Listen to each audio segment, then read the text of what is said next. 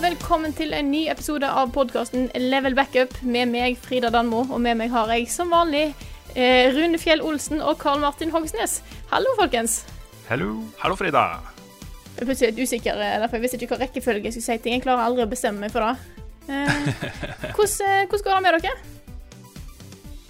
Nei uh, Jeg er jo litt som en junkie da som har fått en uh, pall med heroin levert på døra, så det går bra med meg. Ja, hadde det gått bra med en junkie som hadde fått en pall med heroin levert på døra? Jeg vet ikke. En stund hadde det i hvert fall gått fint. Ja. Du er liksom, du er midlertidig på en high. Ja, jeg er det. Ja. Nei, jeg, jeg, også har det bra. Jeg um, Guilt spiller jo litt Destiny, jeg òg. Sånn imellom Jeg skal jo egentlig anmelde NAC 2. Um, det kommer jo akkurat samtidig som Destiny 2, så jeg, det er liksom det jeg må spille. Men så tar jeg liksom Destiny 2 pauser, da. Mm. Ja. Så uh, det går ikke så fort, men det, jeg er i gang. Høres eh, men, Det går ikke så fort, men du er i gang på hva lagt på NAC 2 eller på Destiny 2? Nå ble jeg litt usikker. Nei, på, på Destiny. Jeg prøver Ja, okay. å være litt effektiv med NAC, fordi uh, det skal jo helst ut snart, den anmeldelsen. Ja. Men Ja, men- uh, Destiny 2 er litt sånn, jeg henger litt etter, men det, det kommer seg. Du sa på streamen i går at, um, at uh, NAC 2-anmeldelsen blir veldig merkelig og rar, og da ble jeg veldig glad. Det gleder jeg meg til. Ja, den blir, den blir rar. Den blir uh, Jeg har liksom veldig mange ideer og bestemt meg for å bruke alle. um, og det Da er liksom Det er veldig rare ideer. Det er litt sånn overtrøtte ideer, så vi må se. Ja, men det kan bli, det kan bli spennende. Høres awesome ut. Det blir noe, i hvert fall. Den kommer uh, Jeg vet ikke helt når den kommer, men uh, så, fort jeg, så fort jeg kan. Jeg føler jeg har spilt nok snart nå til å kunne sette en score, så Ja. Så det. Høres bra ut.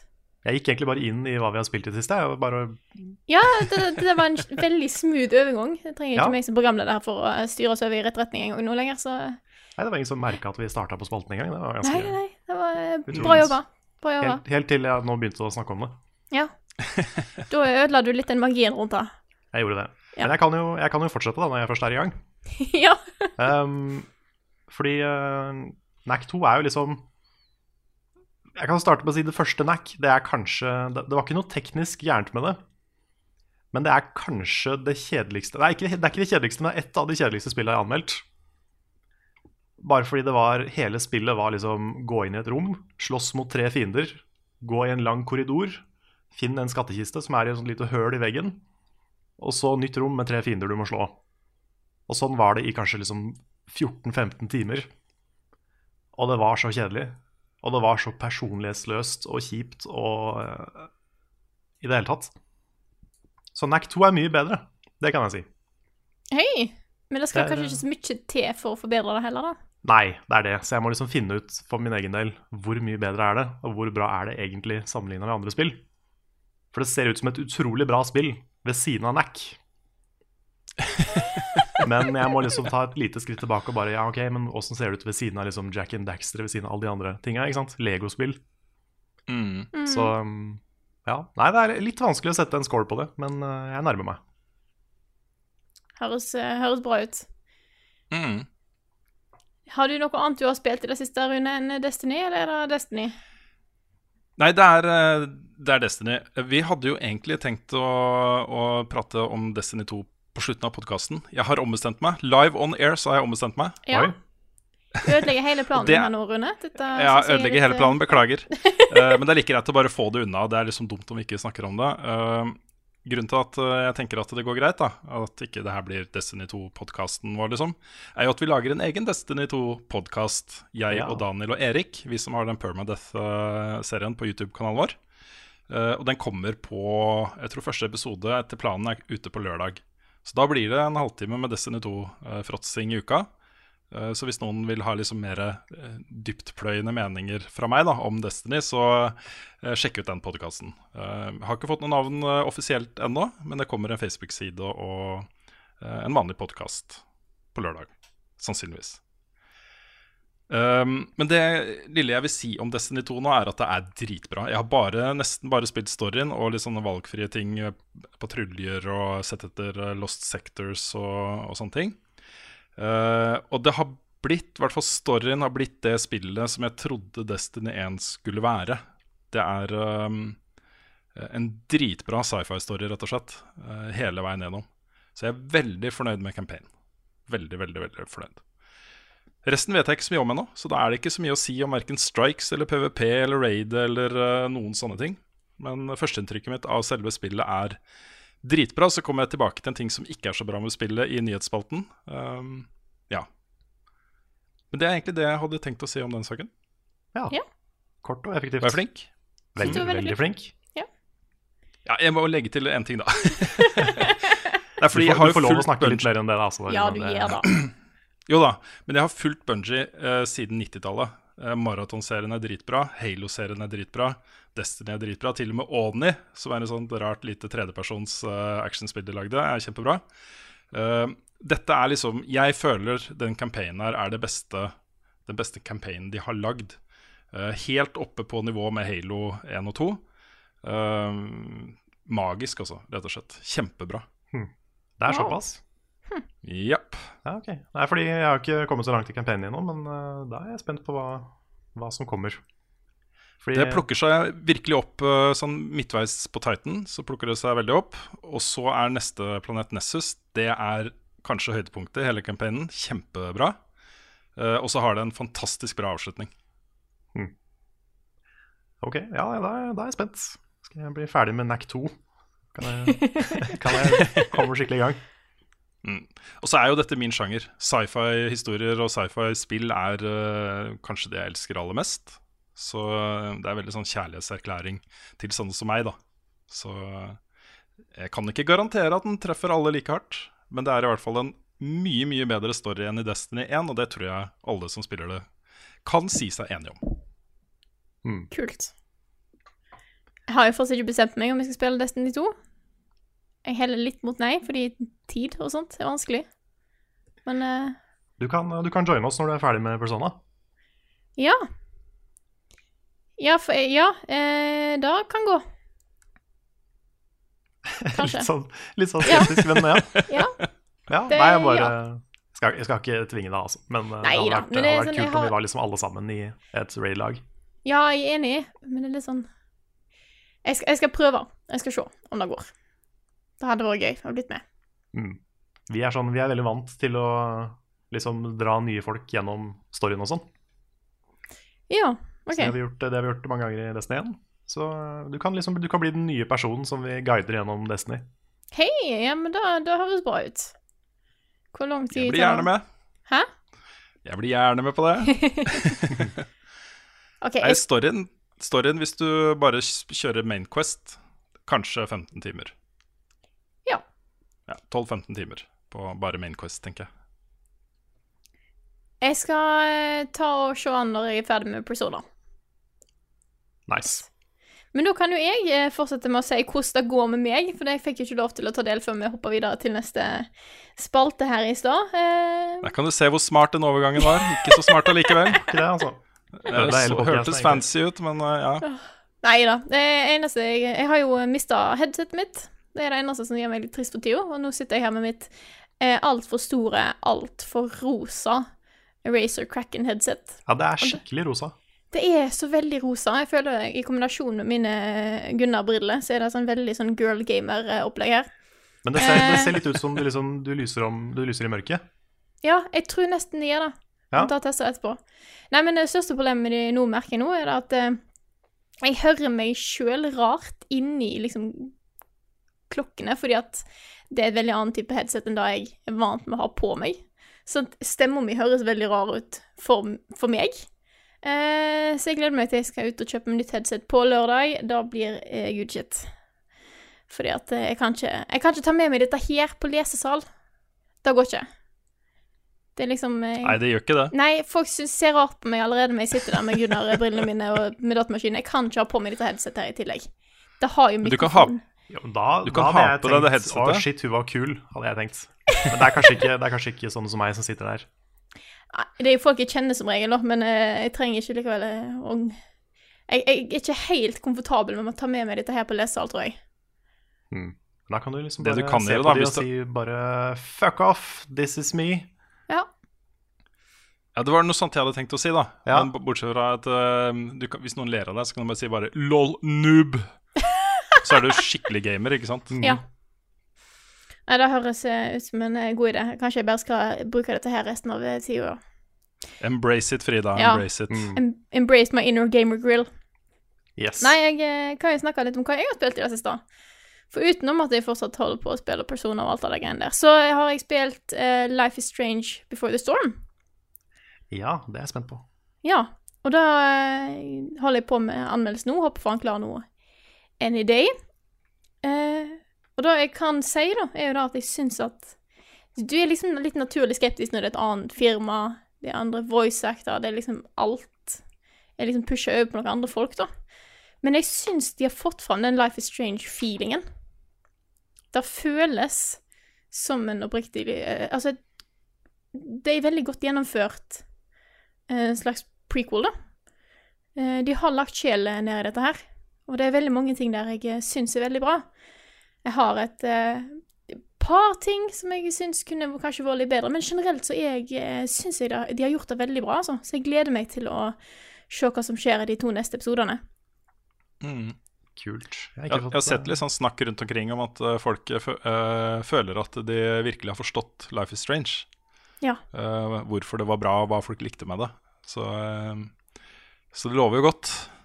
Ja, jeg føler at du får et veldig godt innblikk i karakterene. At de faktisk klarer å få de fram eh, veldig godt, sjøl på den korte tida det tar å spille gjennom første episode. Jeg brukte vel sånn to og en halv time på det, cirka. Så klarer du å på en måte se alt. Du får med, de får fram viktige ting, da. Du blir ganske glad i eh, personene på så kort tid. Så jeg, eh, jeg er oppriktig talt spent på å se hvor de tar det videre i de to neste episodene, hvor eh, historien går og hva som skjer. Men øhm, føles det som en historie som er verdt å fortelle, liksom? For det er jo en prequel med to figurer som vi vet åssen det går med.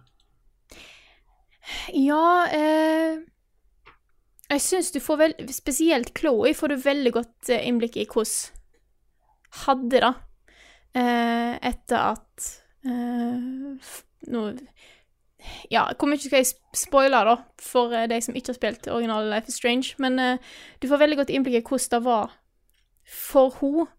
Uh, og nå blir det litt spoilers her, så bare hold for ørene i sånn 30 sekunder hvis du ikke er interessert i det her, da. Uh, Jeg har spilt det, jeg har spilt det, Ja. eller, la, la. ja.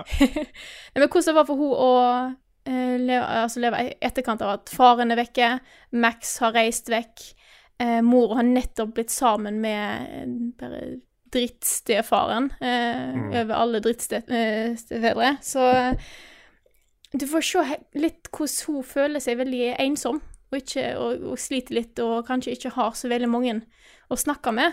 Og den måten hun har fått får kontakt med Rachel Amber, eh, og hvordan de to fant hverandre og passer godt i lag. Ok. For det, da, det, det handler jo om hvordan de to traff hverandre, og jeg syns på en måte det Selv om det ikke var en historie som jeg kanskje det er, det er jo en historie som du får litt hørt litt om i originale Life is Strange, men det er litt kjekt å faktisk få se det. Mm.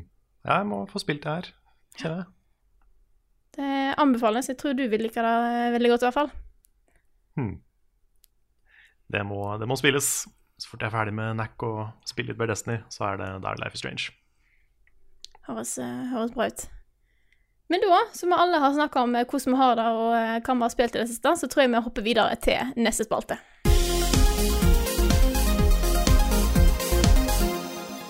Da har vi kommet til ukens anbefaling, og i dag var det Rune som skulle si noe. Det er det. Ja. Um, og jeg tenkte jeg skulle bare justere eh, det inntrykket jeg kanskje kan gi folk litt. Fordi jeg virker jo som en utrolig sånn macho, tøff eh, mann som driter murstein og Mm. dreper bjørn til middag, liksom. Ja. Eh, men jeg har en myk side også.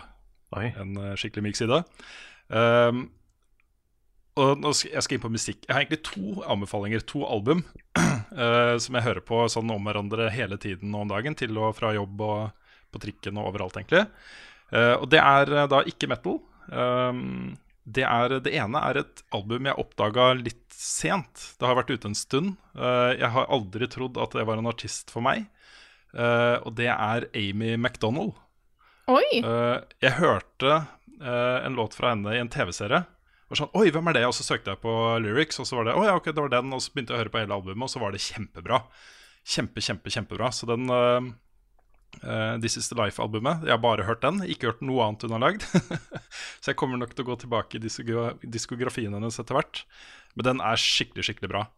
Uh, og den siden av meg kommer litt fra uh, litt gamle dager. Så hørte jeg mye på, på Jayhawks. Har dere hørt noe av de? Nei. The Jayhawks. Nei.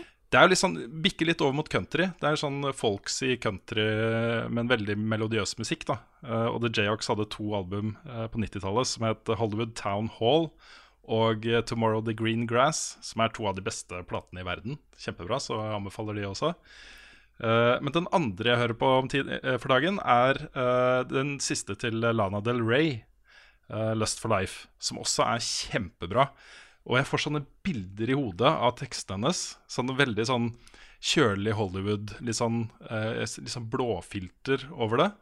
Eh, litt sånn Jeg vet ikke. Det er veldig sånn filmatisk. eh, filmatiske tekster. Får masse sånn fine bilder i hodet av, eh, eh, av de låtene.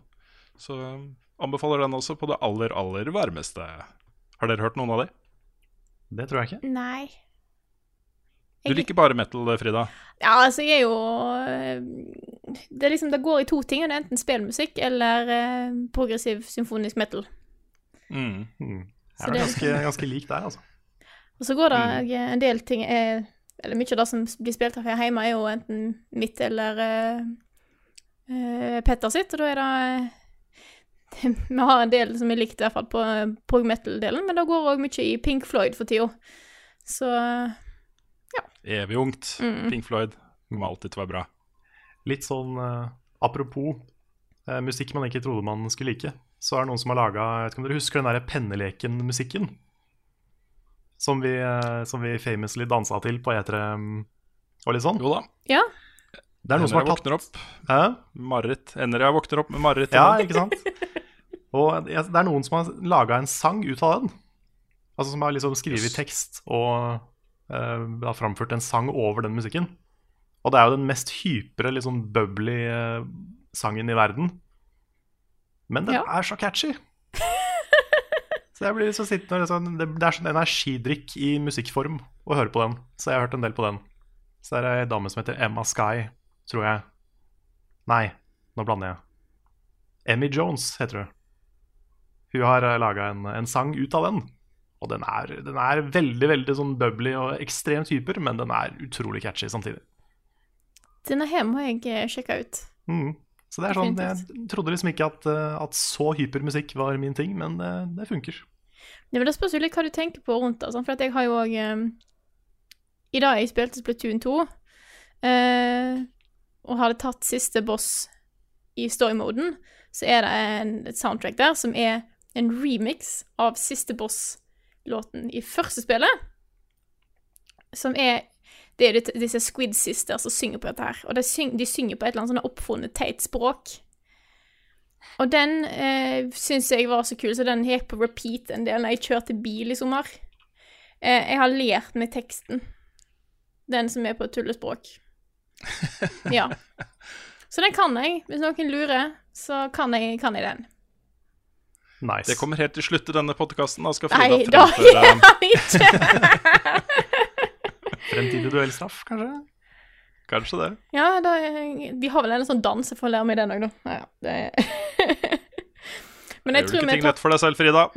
Gjør, her gjør du ikke ting lett for deg selv. Nei, jeg er ikke det. Dette noteres i den boka som vi bruker til liksom ideer som må bli noe av. Ja. Mm. Dette blir, eh, dette blir spennende. Men jeg tror egentlig bare hopper videre til eh, nyhetsspalten, jeg.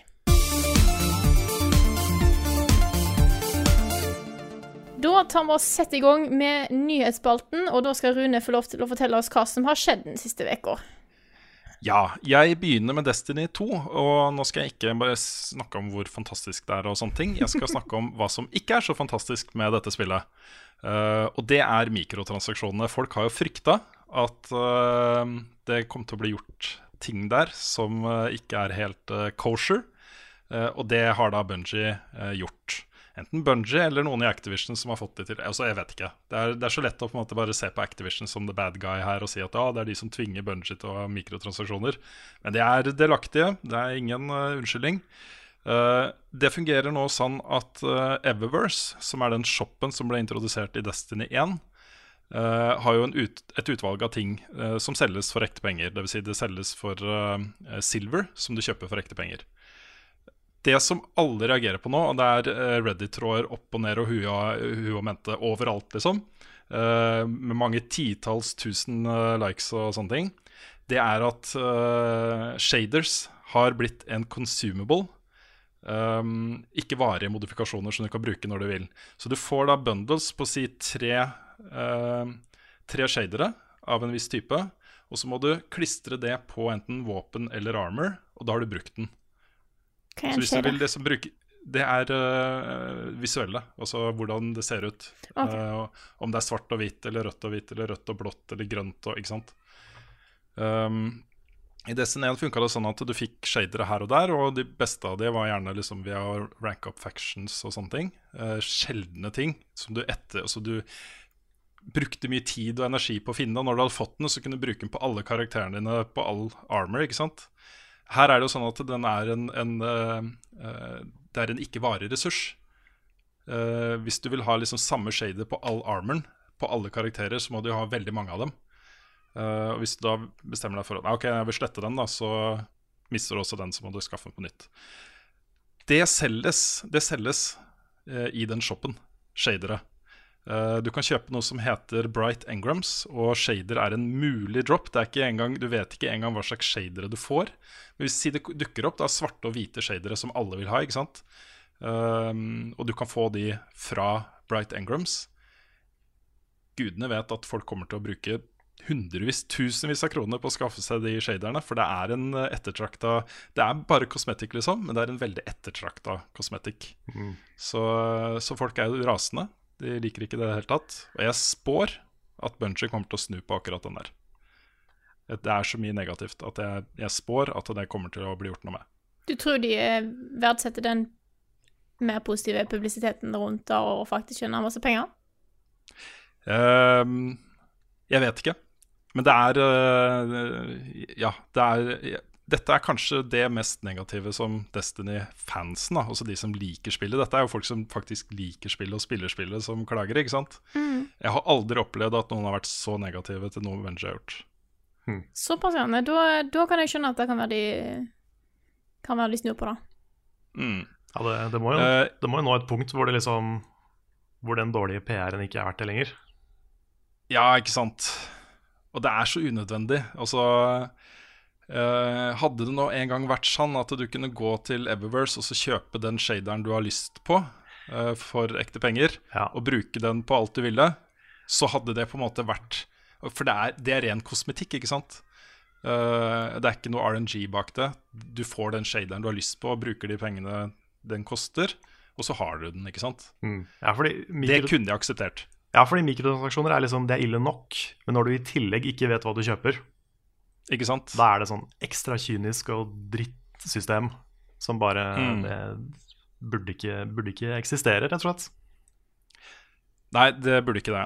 Um, I tillegg, da, uh, som kanskje ikke har fått like mye negativ oppmerksomhet, men som har fått det, det også, og som er kanskje minst like ille, er jo at uh, du kan også kjøpe våpen- og armor-modifiseringer. Det er jo en ny ting i Destiny 2, at uh, du kan legge på mods på våpnene og armoren din det har droppa massevis. Jeg aner ikke hvordan jeg skal bruke det. Om jeg skal bruke det nå, eller spare det, eller trade det med noe annet. Så jeg har ikke brukt det ennå.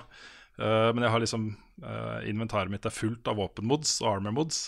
De kan du også kjøpe. Og det er jo rene, rent konkrete ting som gir deg visse fordeler med det, de våpnene og armoren du bruker. da. Um, nå vet jeg ikke hvor sjeldne de er, og hvor vanskelig de er å få tak i ellers. Men man kan jo se for seg et scenario hvor uh, hun selger kanskje da en mod som er ettertrakta og sjelden, og som gjør våpnene uh, mer OP enn andre versjoner av det våpenet. ikke sant? Åh, tenk om Xur kommer tilbake og bruker mikrotransaksjoner. det Da, det hadde, ja, da hadde internett eksplodert. Det er ikke noe strange coins i dette spillet. her det, Jeg finner ingen currency som, jeg har, som har droppa for meg så langt, som jeg ser for meg at kan kanskje brukes og sånn. Så det, jeg skal ikke se bort ifra at det stemmer, Karl. Nei, nei hvis det, da, da er det Men det er krise. hvis det skjer. Ja. Det, det går Ja, det er det, altså. Ellers da på, på den shoppen så, så er det jo andre ting som jeg mener er mer innafor, og som gjør at man føler eh, man får noe kult igjen for å bruke penger som ikke gir deg noen fordeler i spillet. Uh, F.eks. exotic eh, sparrows og exotic emotes. Um, og da vanlige rare og legendary også, selvfølgelig. Um, ja, sanne ting. Det syns jeg er mer greit, da. Det er en helt valgfri sak, føler jeg. Uh, men det er litt sånn confusing dette her, altså, for du, du har hver gang du ranker opp, også etter level 20, hver gang du når en- en ny sånn uh, soft rank etter det, ehm, så får du, no, får du da en uh, Bright Engram, uh, gratis liksom, som du kan trade inn. For da får du shader og, og sånt, osv. så.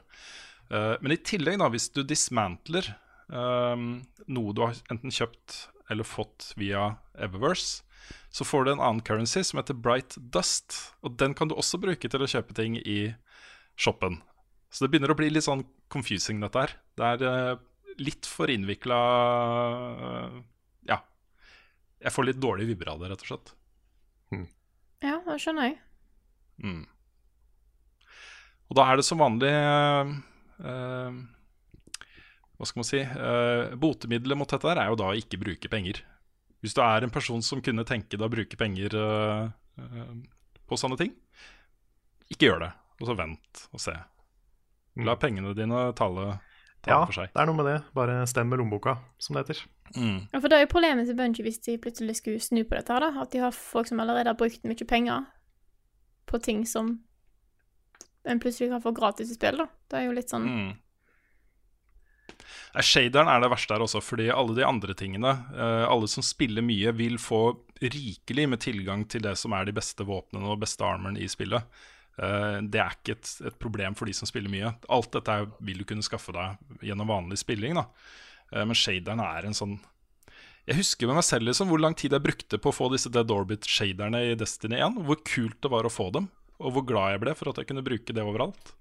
Det er på en måte Det ble min identitet, det. Uh, Dead Orbit-shadere hadde jeg på alle karakterene mine hele tiden, ikke sant. Så, så det er ikke bra. Men vi kan kanskje gå litt videre. Uh, og det har vært et intervju med uh, sjefen i The Pokémon uh, Company, Tsunekatsu Ishihara, i Bloomberg, som er sånn Financial Analytics-tidsskrift. det er kanskje nettsted, det nå. Jeg er ikke helt sikker. Og han sier, jeg kan ta sitatet We've only accomplished 10% of what Pokemon and Niantic are trying to do. Going forward, we will have to include fundamental Pokemon experiences such as Pokemon trading and peer-to-peer battles and other possibilities. Så han sier jo mer eller mindre rett ut at uh, trading og uh, spille mot spillekamper kommer til Pokémon GO. Det er Det jo er jo de to tingene som alle etterlyser, ikke sant? Ja, det var jo det de lovte fra dag én også, egentlig. Mm. Yep. Så det er eh, definitivt på tide. Yes. Um, og så har jeg en eh, nyhetssak til her om Metal Gear Solid-filmen, som jo er en ting. Det er også en sånn ting som jeg glemmer med jevne mellomrom, at det kommer en Metal Gear Solid-film. Og det er kanskje litt fordi jeg ikke har noe tro på at den blir noe bra. Før nå. okay. uh, det er da Jordan eh, Roberts. Det høres litt ut som når man uttaler det. Så bare Jordan Fucked Roberts. Ja. Det, det gjør det, altså. Jeg vet ikke om det er med vilje. Eh, regissør han har lagd Kong Skull Island og den fantastiske Destiny 2 live action-traileren, hvis noen har sett den. Den er veldig morsom. han er jo regissør for denne filmen. eh, og han har blitt intervjuet av eh, Eurogamer. Jeg må ta litt sitater på engelsk her. Jeg håper det er greit. Regner med, flere? regner med vi holder ut. Jeg hører ingen, pro ingen protester fra lytterne våre heller, så da Nei, kjører er det vi på. å på. Det... Eh, og det virker jo virkelig som han forstår Metal Gear, og at han er en, en, en eh, gamer, liksom, av hjertet. Eh, to sitater her. Det ene er uh, om Metal Gear, og det andre er om han som uh, spiller. Eh, første Committing to the ideologies, the philosophies, the weirdness and the Japanese elements and the fourth wall breaking and all these great things. That's what Metal Gear is, and that's why the franchise has endured. So let's embrace that as opposed to being afraid of it. Uh, we're working to get a script that the studio says, yes, we want to make this, and it's something that all the fans can say, fuck yeah, that's my Metal Gear. Så hvis han får til det, da, så er det kult. Det Ja, er det veldig er- interessant å se, liksom, hvis du skal overføre alle, alle, alle de der rare tingene i Metal Gear til en film, om det funker eller ikke. Det er kjempespennende. Kanskje det er mulig å få liksom Psycho Mantis til å lese Netflix-historien din? Og så liksom Ah, jaså, du liker å følge med på Marvel? Åssen går det på Tinder, da? Åh, det hadde, tenk, tenk, tenk noe sånt i en film. Ja, det har vært kjempekult. Sikkert eh, ekstremt fysisk umulig å få til, men det hadde vært veldig morsomt. Mm. Det andre sitatet er uh, uh, Han sier If I was smarter and knew more about math, there's an alternate reality in my life where I'd have gone into games development. The influence they've had on me as a person, as a filmmaker, it's so intense and intimate and rewired my brain at a very young, young age. The language uh, of the way video games work is so important. Video games I've played are as influential to me as films that I've watched. Vår mann, altså. Ja. Jeg har uh, troa, jeg, altså. Jeg tenker litt mer håp når du faktisk har en person som bryr seg om gaming og spillserien, som skal lage filmen. Det er jo litt mer eh, enn bare en eller annen fyr som har lagd en film og hørt at folk liker det spillet der, og så ja, så vi ta den storyen, da. På en måte. Mm. Mm, Uwe Boll. Ikke sant? Og så har det jo, Han har jo en kjempefordel nå, for, fordi Kong Skull Island ble jo en kjempesuksess. Kommersiell suksess, kritisk suksess. eh, Og da får man gjerne mer frihet hos disse studioene, ikke sant? som tør å ta litt mer sjanser fordi han har fått til noe før. ikke sant? Så dette her gleder jeg meg til, folkens. Eh, siste nyhetssak. eh, det er også et intervju fra Eurogamer. Jeg husker ikke om jeg sa det på forrige, men det var også et intervju med Eurogamer. Eh, det er Fergus Urquhart, som er gründer og CEO i Obsidian Entertainment. Og det er jo de som har lagd Fallout New Vegas, Nights of the Old Republic 2, Pillars of Eternity, massevis av spill. Og han sier at Obsidian det, det har jo vært kjent før, da, men Obsidian takka jo nei til å lage et Game of Thrones-spill i 2005. Det var EA som spurte de om de hadde lyst til å gjøre det. Et rollespill. Uh, og de takka nei. Uh, og forklaringen hans syns jeg var ganske god på hvorfor de takka nei. Han var jo en Game of Thrones-fan, hadde lest bøkene og sånne ting. Uh, blir mer sitat på engelsk her. Uh, dere får si ifra, dere som hører på, hvis dere vil at jeg skal oversette disse sitatene neste gang, liksom, til norsk. Men antar at de fleste forstår det. Eh, han sier om bøkene My feeling was understanding the IP at the time. It's about this political intrigue, and people's connection to the IP is to all these characters. That's how the books are written. Is each chapter is a person and what's happening to them. Og så sier han videre other than, other than that weird stuff is going on beyond the wall and the dragons and some hint of fantasy and magic. There are no magic users. There are no clerics, no thieves. Basically, there's dudes with swords and armor and a little bit of mysticism. But, with, but within the mainland, the Seven Kingdoms, there's no goblins, no kobolds. han, han trodde ikke dette er- universet egna seg som et klassisk rollespill, rett og slett. Jeg syns det var eh, et litt interessant perspektiv på det. Ja, og det er sant. Mm. Det er fullt mulig å lage fete spill basert på Game of Thrones. da Kanskje ikke akkurat et Kotor eh, eller Fallout New Vegas-spill, kanskje. Nei, jeg vet ikke. Jeg, eh, jeg mener jo det hadde vært perfekt for et eh, Civilization-type spill. Mm. Det fins jo masse Civilization mods, men eh, et offisielt Game of Thrones Civilization-spill, det hadde jeg spilt dritten ut av. Mm. Eller tredjeperson actionspill med Aria, f.eks. Hadde også vært kult. Det, ja. Ja. Arias Creed.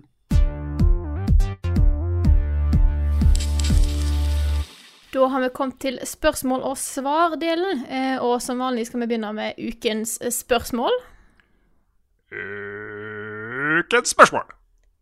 Yes. Eh, og i dag så skal vi ta opp spørsmålet til Carl Fredrik Dalseth, som skriver Burde spillanmeldere være gode slash over gjennomsnittlig gode til å spille spill? Refererer til saken hvor Dean Takahashi fra Gamesbeat sliter veldig med tutorialen i Cuphead, sjøl etter 18 år som spillanmelder. Jeg så det klippet. Um, jeg må innrømme at det er noe av det sjukeste jeg har sett. Sånn når du kommer til å være utrolig lite god i et spill. Mm. Men eh, jeg tenker jo liksom Hvis du har vært spillanmelder i 18 år, så kan du spille spill. Og det er ikke sånn at du Han hadde sikkert en veldig dårlig dag med det spillet, tipper jeg. Ja, det er mulig. Det er jo um, Jeg mener jo på generelt grunnlag da at uh, det ikke er uh, bra om spillanmeldere er for flinke i spill. Hvis man er uh, en sånn savant på, på spill og bare fiser gjennom alt, så får man jo ikke noe godt begrep om vanskelighetsgrad i spill, f.eks. Um, jeg føler at hvis man er sånn gjennomsnittlig god, kanskje litt over middels god, så man får testa ut ting og sånt, så er det det beste. Da får man en uh, spillopplevelse som ligger nærmere de som faktisk skal se anmeldelsen eller lese anmeldelsen. Helt sant. Kanskje. Mm. Og så er man jo i stand til, liksom, hvis man er god til å skrive og god til å følge et, et medium, på en måte, så, så må man ikke være god i et spill nødvendigvis for å kunne mene spennende ting om det. Nei. Nei? Altså, Og så er det jo også sånn i spill som er skill-baserte, Uh, ofte så Særlig hvis det er et competitive eh, element her, så vil det jo være arenaer eh, hvor folk som ikke er de beste av de beste, kan kjempe mot hverandre. ikke sant? Så man kan jo på en måte mene noe om den opplevelsen, ikke hvordan det er å eh, være på en arena med eh, 40 000 eh, publikum i salen og man kjemper om 10 millioner dollar i premiepotten og sånt. Det går an å mene noe om det competitive i Dota eller et eller annet, selv om man ikke er blant de aller beste, ikke sant. Så, så det handler jo mer om mekanikker og kjennskap til sjangeren og, og sånne ting.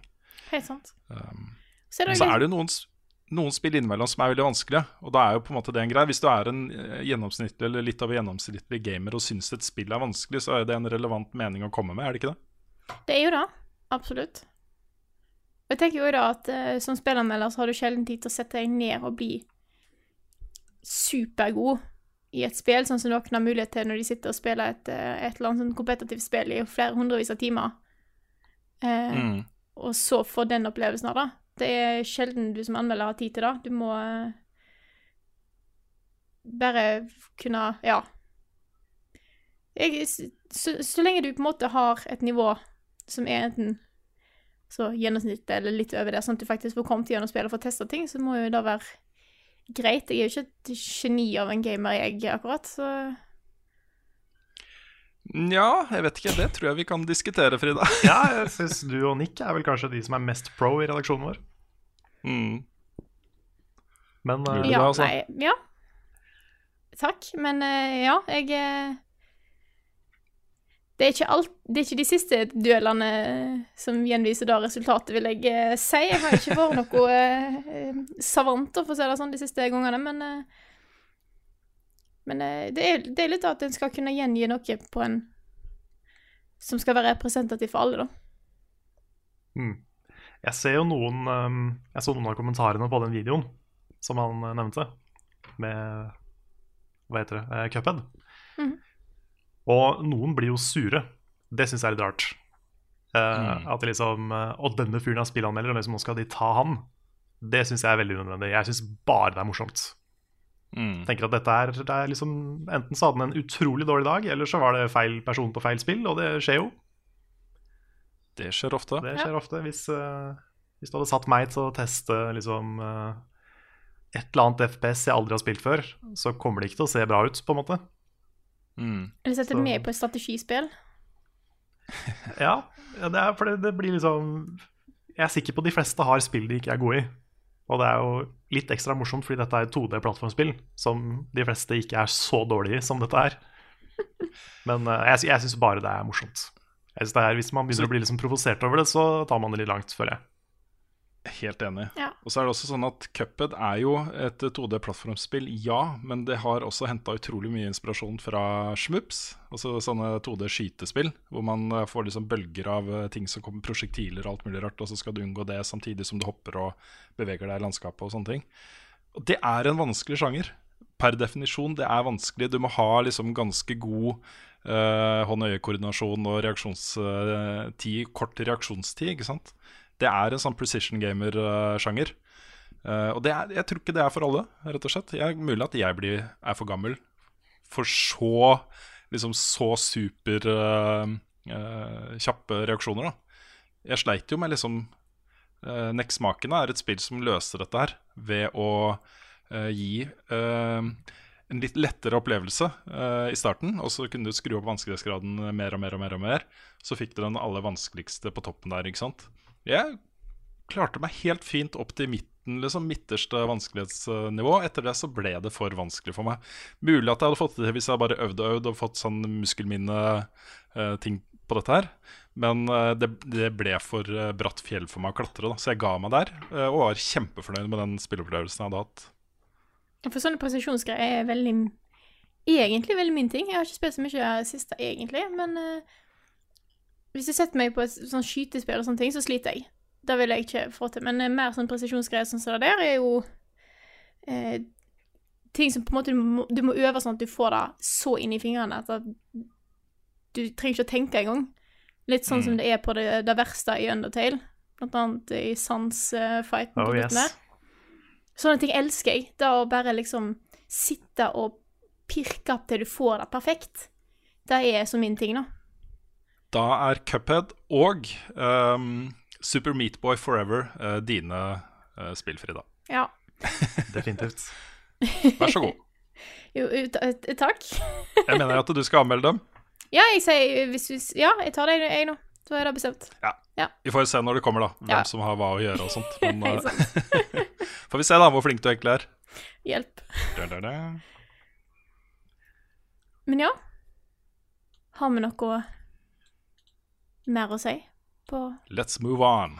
Da hopper vi videre, og vi hadde jo tenkt å eh, snakke litt om Destiny her nå. Rune tok jo en liten sånn forsprang eh, og snakka om det litt tidligere. Du syns ikke det var dumt, ikke sant? Det passa ja. best å ha det der. Det var, det var, det var greit. Ja, mm, Ja, ja, ok. så, ja da. Eh, men vi har jo fått et eh, Vi har nemlig fått en eh, Det er vel ikke helt et spørsmål, men mer en kommentar her fra Pål Lo Pål Lone, som skriver Kan dere slutte å unnskylde dere for at det blir for mye snakk om ett spill, f.eks. Destiny i dette tilfellet? Hvis interessen fortsatt er der, er det andre som òg er på samme nivå. Så blir det for mye av ett spill framover på noen, så bør det være rom for å snakke om det uten at det er et problem, og dette bør gjelde for alle spill. Så Jeg er i prinsippet, prinsippet enig med Pål. Vi liker jo best å snakke om ting som uh, vi er brennende engasjert i og lidenskapelig opptatt av her og nå, liksom. Um, og har jo mest lyst til å snakke om de tingene. Men uh, vi må jo ha litt ansvaret vårt bevisst også. Vi lager en podkast og annet innhold for, uh, for mange mennesker. Og når vi får en del reaksjoner på at det blir litt mye snakk om enten det er Bloodborne eller Destiny eller eh, Persona eller whatever, så tenker vi at ok, vi kan prøve å begrense oss litt. Eh, og nå er Destiny er litt spesielt, da, fordi det en periode så ble det altfor mye prat om det i alle våre kanaler fra meg. Så jeg skjønner den. Og hvis det er folk som har fulgt oss eh, de siste tre årene, så skjønner jeg at folk eh, eh, blir litt sånn der triggered av å høre ordene 'Destiny' et eller annet komme ut av min munn. jeg tror ikke det er så mange av de, men eh, litt hensyn må man ta. Ja, jeg er, jeg er enig. Jeg også vet at jeg har Jeg har heisa opp Bloodborne veldig mye veldig lenge, og generelt eh, ganske mye From Software. Men det er liksom Det er fordi den serien har gjort noe med meg. Som uh, spillinteressert og i det hele tatt. Det er liksom, den gjør noe som jeg ikke føler jeg har sett på veldig mange år. Uh, og som jeg bare har liksom, Jeg har gjenoppdaga liksom en sånn glød for å bli utfordra i spill. da Mm. så uh, det er rett og slett fordi den betyr mye for meg. Men øhm, jeg skjønner jo også at det blir mye for de som ikke er inni det. De som er inni det, vil jo gjerne at vi skal lage mer. Så, sånn som øh, vi får mye spørsmål om vi kan lage film i tull, Dark Souls og, og sånn. Ja, det er vel en av de mest uh, repeterende tilbakemeldingene vi får Ja. fra forskjellige folk. Ja, nå har det kommet veldig mye uh, lag filmtull The Walking Dead sesong to. Ja, det òg. Så ja. Det, er det er hyggelig at folk vil ha mer av det vi lager, da. Det er jo veldig fint. Ja, ja. Da, da, får vi liksom, da, da gjør vi noe riktig, hvis det virker sånn. Mm. så skjønner jeg òg at eh, det er mange som vil liksom at vi skal dekke så bredt som mulig og ha med alt. Eh, men vi er jo Håper å si vanlige, vanlige folk. Vi får våre favoritter. Eh, våre favorittspill eller sjangre og sånne ting som vi gjerne er litt glad i å trekke fram litt mer enn andre, da. Mm. Mm. Og det er jo Og så kommer det da ja, Nei, det er, det er helt sant at vi, eh, vi klarer jo ikke å dekke alt. Vi er ikke gode på sportsspill, f.eks. Så det er, det er ting vi ikke, ikke dekker like bra som andre ting, og så er det ting som vi brenner litt ekstra for. Men vi, jeg, jeg prøver å ta litt hensyn med tanke på Fromsoft og sånn. Det, det blir ikke fyll med tull Dark Souls med det første, fordi jeg har fått med meg at de som ikke er inne i den bobla, de er litt lei. Så, så vi venter litt med, med det. Mm. Så eh, bare Så lenge folk vet at, det, at de blir hørt, så er det det viktigste. Tenker jeg. Og så gleder jeg meg veldig til å lage den Destiny 2-podkasten. Det kommer en announcement om hvor man kan finne dem på Facebook-siden vår um, når vi er klare, med logo og alt mulig rart. Så hvis du, hvis du vil vite når den kommer, og hvor den er, og hva den heter, og sånne ting, så bare følg med der. Det er da Level Up Norge på Facebook. Yeah. Så kan vi ta bitte litt, bitte litt mer Destiny, bare litt sånn kort. Eh, og det er fordi at vi har fått sendt tilbake Unnskyld! Unnskyld! Legge på sånn Beklager, altså. Da må jeg Nei, bare har fått følge opp med å si unnskyld for at vi sier unnskyld for at vi Nei. snakker mye om Ja. spill. Sorry Mm. for at vi sier sorry, men sorry for at ja. Eh, men vi har fått en tilbakemelding på streamen vi hadde på onsdag, altså i går. Eh, for det var noen som hadde håp på at det skulle bli en førsteinntrykksstream med Rune. Eh, Mm. Og syntes det var litt eh, skuffende at Rune, for å si det som er fakta, hadde pri da prioritert egen spilling framfor å dele førsteinntrykkene på en stream. Ja, eh, For det første så har jeg respekt for den meningen. Fordi eh, jeg, skjønner at det er sånn ting fungerer på Twitch. Og så Hvis man følger streamere på Twitch, så er det gjerne det man vil ha. Og det er jo det gjerne streamerne har lyst til å gi også. Det kommer et nytt spill, de kaster seg rett ut i det med stream. Og mange av disse streamerne hadde jo starta streamen mange timer før Destiny 2 ble åpna for eh, spilling. Eh, med sånn prefest, og de gjorde kule ting i Destiny 1 og hadde Q&A, og det var masse greier, liksom. Eh, et lite sånn Twitch-event. Saken er den at jeg er ikke en streamer. Vi har liksom den ukentlige livestreamen vår. Det er jo kjempegøy. Men jeg har aldri i hele mitt liv satt meg ned og streama fra lanseringen av et, spill eh, med mine førsteinntrykk. Og grunnen til det er todelt. Det ene er at eh, jeg ikke har mulighet til å sitte hjemme i stua mi og streame eh, på kvelden. Da sitter kona her og prøver å se på Dagsrevyen eller lese bok eller et eller annet. Eller jobbe, for så vidt. Og hvis jeg da sitter og bare Hey guys, it's uh, Rune again, coming to you live with uh, Destiny 2, man. Hit that, punch that. Ikke sant? Ja. Hvis jeg gjør sånne ting, så blir jo det et mareritt for henne. Yo, what up, it's your boy. Runefo. It's your boy, Runefo. Eh, så Det er den ene grunnen. Den andre grunnen er jo at uh, hvis jeg skal anmelde et spill, eh, så vil jeg gjerne liksom lukke meg inne i den verden for å få best mulig inntrykk av hva det spillskaperne har skapt. Ikke sant? Hvis man sitter og streamer, så sitter man og følger med på chatten og svarer på spørsmål, og kanskje man mister litt dialog, og så plutselig Oi, hvor er vi nå? Hva er det som har skjedd? Hvem er det? Ikke sant? Mm. Uh, man mister fokusen da, uh, på spillet. Det kan man trene opp. Uh, jeg er helt sikker på at mange av disse streamerne er proffe liksom, og får med seg mye selv om de har oppmerksomhet mange andre steder. Men det, det er en treningssak. Det må man øve seg opp til. Ja. Ja. ja hadde, vi, hadde vi vært liksom streamere hovedsakelig, så kunne vi sikkert gjort mye mer sånne ting. Mm. Men ditt førsteinntrykk av Destiny kommer jo i en video. Ja. Og det kommer jo i liksom Du skal først lage den, skal du lage en anmeldelse, skal du liksom lage noe på raidet, ikke sant. Så du får jo Du får jo vite hva Rune mener om Destiny uh, Mm. i de kanalene som vi bruker mest. Altså Det er det som er vår hovedting. Mm. Så eh, ja. Nei, sånn der førsteinntrykksstream, det føler jeg ikke er helt vår greie. Vi, vi gjør det noen ganger med sånn uh, Hva heter spillet? Observer. Ja. Ja. Da, da går det an, for da er det liksom ikke noe vi vet om vi skal anmelde eller ikke. Mm. Men, Men- uh, Før streamen i går så hadde jo Lars eh, en liten førsteinntrykksstream sjøl. Så eh, ja, det er sant. Så hvis du, hvis du vil se en førsteinntrykksstream, så har jo Lars eh, første halvannen timen er jo Lars sitt første inntrykk av Destiny 2. Ja da. Uh, når det er sagt, da, så, så um, er vi jo in the business of uh, video game video. Eh, og streaming er jo viktigere og viktigere og blir mer og mer populært. Og det er klart at uh, i den grad vi hadde syntes det hadde vært gøy, og seerne våre virkelig ønsker at vi gjør mer av sånne ting, så er det jo absolutt noe vi hadde vurdert. Ja, Det er bare at fokuset vårt nå ligger på å lage gode videoer i etterkant. Anmeldelser og, og sånne ting. Uh, og så har vi den ukentlige streamen som er mer sånn Det er ment som en kosestund med de som ser på oss ellers, da. Eh, ikke en kanal du må følge hvis du, skal, eh, hvis du har lyst til å få førsteinntrykkene våre av alt mulig rart. Ikke Mm. det en grei oppsummering? agreed. absolutt. Og Så har vi fått inn eh, Jeg bare hopper videre, hvis ikke du hadde noe. Gjør det, gjør det. Eh, for vi har fått inn enda et spørsmål i litt sånn samme gata. Vi tar alt nå i én bolk. Eh, og det er Morten Haugersveen som spør Burde Rune skille sin Destiny-gaming fra jobbgaming. Samme spørsmål kunne vært stilt mens Carl spilte Persona 5. Som spillanmeldere, hvor mye tid mener dere det er forsvarlig å bruke på sitt favorittspill, kontra å bruke ressurser på andre anmeldelser? Ja, hvis du runder 5000 timer på et spill, så er det kanskje Nei da, men øh, øh, Poenget hans er øh, rett og slett også Når anmeldelsen min av Destiny 2 er lagd, så uh, pell deg over og gjør andre ting, uh, kompis. Ikke sant? Og det er jeg helt enig i. Mm. Uh, nå vil det jo være sånn at uh, i og med at jeg har uh, ja, Man kan jo kalle det fleksitid. Jeg jobber mye på kvelden og i helgene og sånne ting. Og noen dager så uh, er min egen spilletid uh, før lunsj. Andre dager så er det etter klokka ti på kvelden, liksom. Så uh, det er ikke sånn at jeg Ja. Men jeg tror ikke folk trenger å være bekymra for at jeg ikke kommer til å jobbe uh, nok timer med annet, Nei, annet greie, liksom. vi har jo eh, godt over en fulltidsjobb timemessig, begge to. Så, oh, ja. så det, er, eh, det, det er ikke noe å bekymre seg for.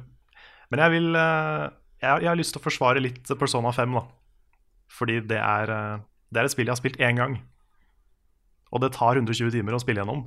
Eh, og det er en historie. Og anmeldelsen mener jeg blir bedre hvis du har spilt ferdig historien. Mm. Så det er, eh, den vil jeg, jeg vil gjerne forsvare. Men når jeg spiller Bloodborne for femte gang, det er ikke jobb. Nei, ikke sant. Det er, liksom, det er fritid. Det litt det er jo det, det er jo litt sånn det, det er liksom det som er vanskelig med å være spillanmelder òg. Hvis du har et 120-timers spill og du har lyst uh, til å gjøre en så god som mulig anmeldelse av det spillet, eh, og du vet at eh, inntrykket ditt av spillet og meningen din om spillet vil være avhengig av slutten, og at du må da komme deg gjennom de 120 tim timene, ikke sant. Det er jo nesten en hel måned i arbeidstimer. Vanlig, også En vanlig arbeidsuke er 37,5 timer. ikke sant? Um, det, det går jo med så utrolig mye tid, og så skal videoen lages, og manus skal skrives, og alle de tingene der. Liksom. Det er veldig tidkrevende å lage gode spillanmeldelser hvor man virkelig setter seg inn i spillet og uh, gjør seg opp en grundig mening om det, da, basert på at du har fått hele spillet. Ikke sant? Mm. Det er noe helt annet enn å sette seg ned, spille et spill i to timer, komme sånn Ja, jeg syns sånn og sånn og sånn, og så terningkast, ikke sant? Ja, Det, det Altså, kan du ikke gjøre med Persona. Du kan ikke spille det i to timer. Det, det går ikke. Nei, ikke sant? Men uh, jeg skal innrømme da at jeg, man blir jo uansett litt partisk, fordi um, hadde jeg Altså, jeg er jo veldig glad i Persona-serien. Og det er ikke sikkert jeg hadde prioritert å spille spillet ferdig hvis jeg ikke hadde vært glad i serien. Da hadde jeg kanskje liksom sett meg fornøyd med en eh, 40-50 timer og så en anmeldelse. Men uh, i og med at jeg liksom, den serien er litt viktig for meg, så vil jeg dekke den skikkelig. Mm. Og det, det er jo litt sånn individuelt. Så det, det kan jeg innrømme. At jeg liksom Grunnen til at jeg vil gjøre det, er jo fordi jeg mener den serien er verdt å prate skikkelig om. Mm. Mm. Men så kan jeg Jeg får bare se på legge det på, på Ja, bare fortsett, Frida. Jeg kan jo se på det på den måten at eh, nå har jeg brukt 60 timer, 70 timer, 70 timer, 75 timer på Persona 5 de siste tida. Og jeg kunne sagt at jeg kunne sikkert lagd flere anmeldelser på den tida av andre spill, som jeg da ikke hadde dekka. Men eh, det har jo litt med at jeg, vi trenger litt fritid òg. Det at uh, det er tid jeg har brukt på gaming, betyr ikke at det er tid jeg burde brukt på anmeldelser likevel. Fordi at uh, en trenger den avkoblingen. Den er så viktig. Og da ikke bare For meg, da, så blir jo da All tid som ikke er skole, er enten fritid eller jobb. Så enten så blir det skole og mer jobb, eller skole og litt fri. Sånn at Mm. selv om jeg føler meg litt sånn ja, Litt dårlig samvittighet, for jeg har brukt så mye tid på personer, og vet jeg kommer til å bruke veldig mye tid på personer framover, så kan jeg ikke ha den dårlige samvittigheten, for jeg trenger den tida. Mm. Det er viktig å ha et kosespill på sida. Ja, og så tror jeg ikke verken du eller Nick eller eh, Lars eller eh, Svendsen trenger å unnskylde seg for disse tingene. Jeg tror det er først og fremst mynta på, uh, på Karl og meg, som har dette som heltidsjobber. Dere har jo studier og andre ting ved siden av alle sammen, liksom. Så dere, dere som ser på videoene til Frida Nick og Lars og Svendsen, eh, dere får bare føle dere heldige for at dere får noen videoer i det hele tatt. At de har tid til å av og til eh, lage anmeldelser og podkast og sånne ting. Det er eh, mer min holdning til akkurat det. Ja, nei, men Jeg har ikke fått noe å klage på det, men jeg tenker på det sjøl, liksom. At det er sånn Mm. For jeg har, jeg har ideer. Jeg har lyst til å lage Jeg har, en, jeg har et nytt spill som jeg skal lage. Enda et nytt spill jeg skal lage en klassikerinnslag på. Og så tenker jeg sånn Ja, har ikke gjort det ennå. Burde jeg gjort det? Men så Jeg kan ikke tenke sånn. Det går ikke. Men jeg syns òg at dere bør få liksom ha den der fritida. Det må Mm. være lov å spille litt Destiny eller Persona eller Bloodborne på fritid uten at det skal liksom Ja, det tror jeg folk flest også eh, skjønner. Ja, jeg også, jeg også Um, tror det, men det er likevel en litt sånn utfordring eh, for meg. At jeg liksom Noen ganger så er det vanskelig å liksom bare slappe av og spille et spill uten dårlig samvittighet når du er spillanmelder. Fordi du tenker, Det er veldig fort gjort å tenke liksom, ok, den tida jeg bruker nå på å kose meg, den kan jeg også bruke på å jobbe. Men det kan du si til deg sjøl absolutt hele tida. Mm. Og det har vært perioder hvor jeg har gjort det, og jeg har vært veldig streng med meg sjøl og bare jobba fra jeg våkna og tidlig lagt meg. Og da blir du litt gæren etter hvert.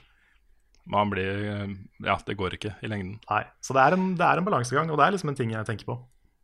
Mm. Og så er det jo også en balansegang for uh, firmaet vårt og, og satsingen vår, liksom. Uh, fordi på en side så, så er det jo en generell innholdssatsing for eh, om alt som har med spill å gjøre.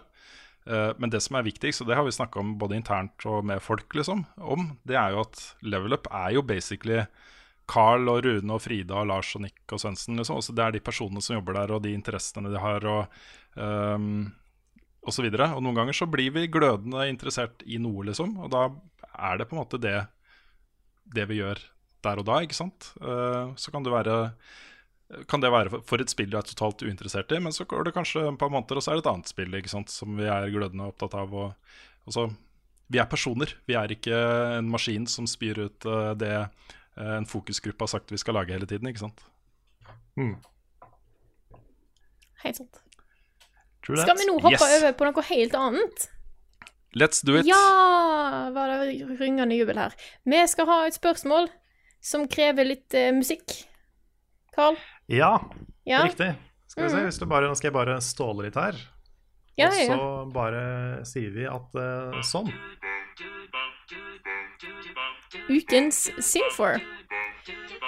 House of Nerds i Oslo er et sted for spillinteresserte og ser ut til å være populært. Hvis dere i Level Up fikk sjansen til å ha et eget lokale for besøkende og styre all drift derfra, hva ville hovedfokus på det lo lokale vært da? Og Det er litt interessant han sp- Så det er Ja, det er selvfølgelig spørsmål fra Trond Sinfor Borgersen. Ja, nettopp. Ja, det må være som jeg får Ja. påpekt da. Mm -hmm. uh, det er litt interessant han spør, for vi var i møte, møte med House of Nerds uh, om kontorplass. Det var et av de første stedene vi var. Vi hadde lyst til å sitte her og jobbe. Det ble for dyrt for oss. Det er, uh, sånn, sånn er det bare. Det, vi har ikke mulighet til å betale tusenvis av kroner i måneden for kontorplass. Og når alternativet var et sted som var gratis, så var det ganske lett å takke ja til det isteden. Um, men vi har snakka mye om hva vi virkelig ønsker oss, og det er jo et studio som også er en arbeidsplass. Også noe som er skikkelig kult innreda, eh, hvor vi har arbeidsstasjoner og PC-er og sånt, men også spillmaskin og TV og kule stoler og noen lamper og og så Det ser tøft ut, da. Eh, vi kan bare sette opp et kamera og filme, og det er lamper, lys, mikrofoner er kobla opp. Altså alt bare funker. Eh, både som et koselig sted å jobbe og et eh, kult eh, studio.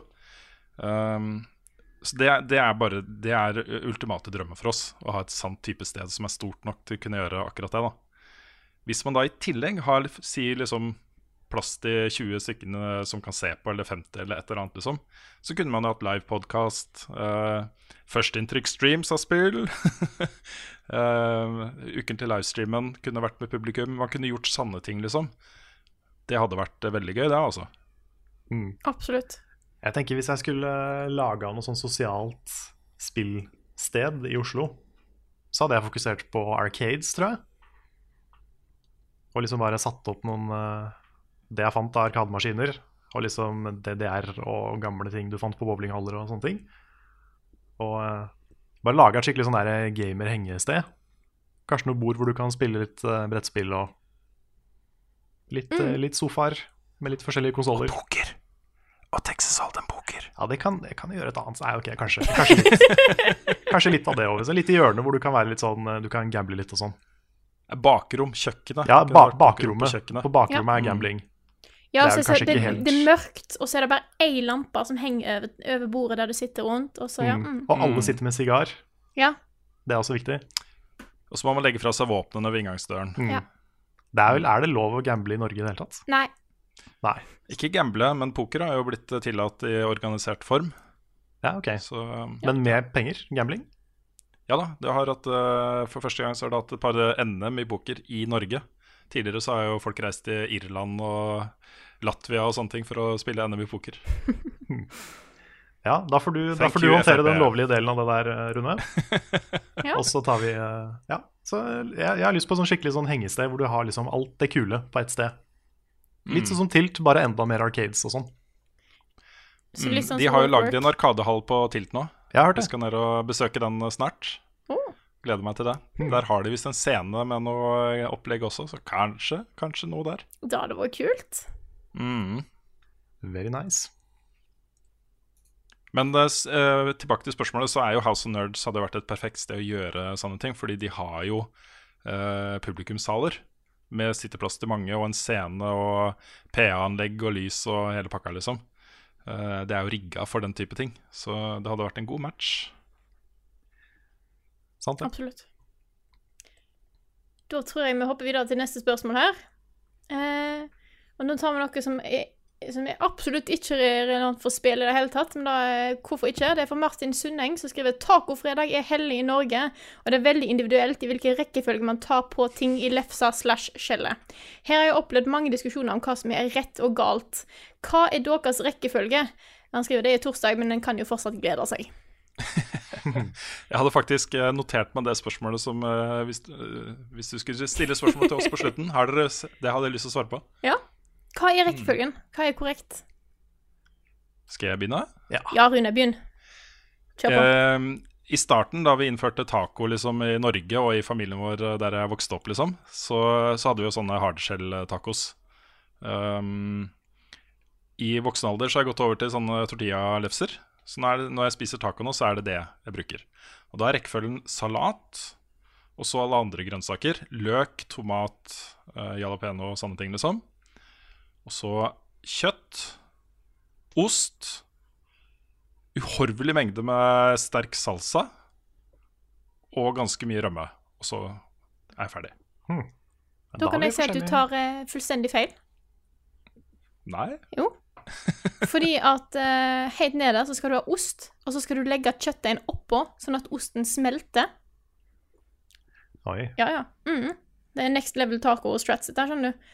Så har du på saus, og så er rekkefølgen det du har av grønnsaker utenom mais, og så har du mais på toppen helt til det, ikke, til det blir fullt.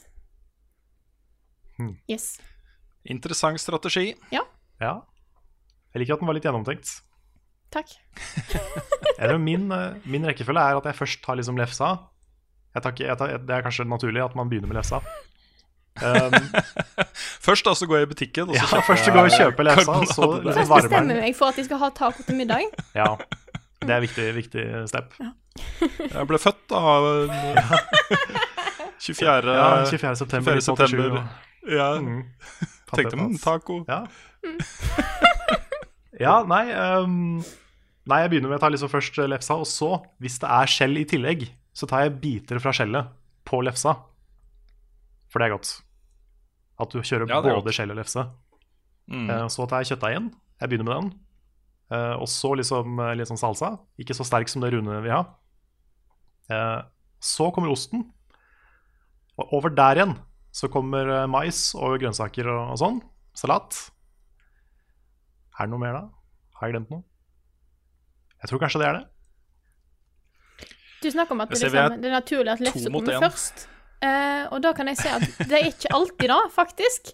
Fordi at uh, sånn som taco blir spist her i huset av uh, min kjære samboer, så skal alt fyllet legges på en tallerken. Og da snakker vi kjøttdeig, salat, grønnsaker, saus, rømme, hele greia. Blandes til du får en sånn taco-gup. Og så skøfler du dette her over i lefsene etter hvert. Det er mange straps, altså. weirdo er det du har funnet, eh, Frida? Ja, det lurer jeg jo på. Men en annen eh, god måte å spise taco på, det er tacosalat. Hvor du knuser skjell, og så har du det i bånn, og så har du liksom alle tingene oppå. Og så avslutter med liksom eh, salsa og rømme. Spise med gaffel, liksom. Det er kjempegodt. Ja, men da, da får du liksom bare alt det beste med tacoskjell, uten at Mm. du søler så mye. Mm. Hmm. Uten at uh, du risikerer skilsmisse fordi eh, kona plutselig ikke klarer å se på deg med like kjærlig blikk lenger. Når hun bare ser alt det taco-griset over, uh, over hele deg og Ja. skjegg og Den gamle taco-deal-breakeren. Ja, ikke sant? Det- Men hva er dere, for jeg har noen, noen venner som er veldig glad i å ha ananas på taco. Nei, det er ikke jeg. Jeg har hørt folk snakke om det, men uh, jeg har ikke prøvd det ennå. Jeg har prøvd, og det funker. Og så det jo Foreldrene mine har testa noe nytt, og det har rødbet på. Og da på en måte funker litt i samme grad ved at du får den der søtheten. Mm. Men eh, Ja, Rødbet kan jeg se for meg godt. Kan jeg komme med en liten anbefaling, tilleggsanbefaling? Min tredje anbefaling for dagen. i alle dager. Nå tenkte- bryter du alle ja. regler her, inne. Det er gjerne hvis man har litt kylling til overs, f.eks. Um, så er det veldig godt å bruke sånne tortillalefser uh, med barbecue-saus, kylling og grønnsaker og gjerne paprika. Uh, og spise det som en uh, taco, liksom. Altså, det er jo en wrap, da. Men uh, veldig godt. Vi kan jo, kan jo igjen bare plugge den der søtepotet-tacoen. Ja. For den var dritgod. Hvis du, er, liksom, hvis du er ute etter et vegetaralternativ, så prøv søtpotet-taco. Det er faktisk utrolig godt. Det kan nesten Mm. ikke telle som et alternativ lenger, for det, det var like godt. Ja, faktisk. Ja. Sånn at du er trenger ikke- ikke å være vegetarianer heller. Det er bare sånn Test det da, hvis du er glad i søtpotet, Mm. egentlig. Det er ikke mye, det er ikke mye vegetarmat jeg vil si liksom kan erstatte originalen. Men det her var, det var bra, altså. Ja, da eh, har vi snakka om taco. Jeg lurer på om det er noen spørsmål eh, dere har sett som dere har lyst til å ta fram? Rune har jo allerede innrømmet det, at det var dette. kan, kan du ta det spørsmålet om taco en gang til? Ja, det tror jeg. Du, hva rekkefølge Ja. det? Det gjør vi. Ja, nei, jeg syns du er så flink til å ta de spørsmåla som jeg har eh, bestemt meg for å ta. Så da Da er du egentlig Jeg tror du har vært gjennom mesteparten, altså. Ja. Men da, da, jeg, da sier jeg meg fornøyd. Da har jeg gjort jobben min. Det har du. Men da tror jeg kanskje at vi bare tar og eh, sier at eh, denne episoden av eh, Level Backup er, går mot slutten. Så da vil jeg selvfølgelig takke alle som støtter oss på Patrion. Dere er fantastiske folk, og uten dere så kunne vi ikke gjort dette her. Så thank you. Bra folk. De beste folk. folka. Mm. Så da vil jeg bare takke for oss. Takk for at akkurat du hørte på denne episoden av Level Backup. Og så snakkes vi igjen neste uke.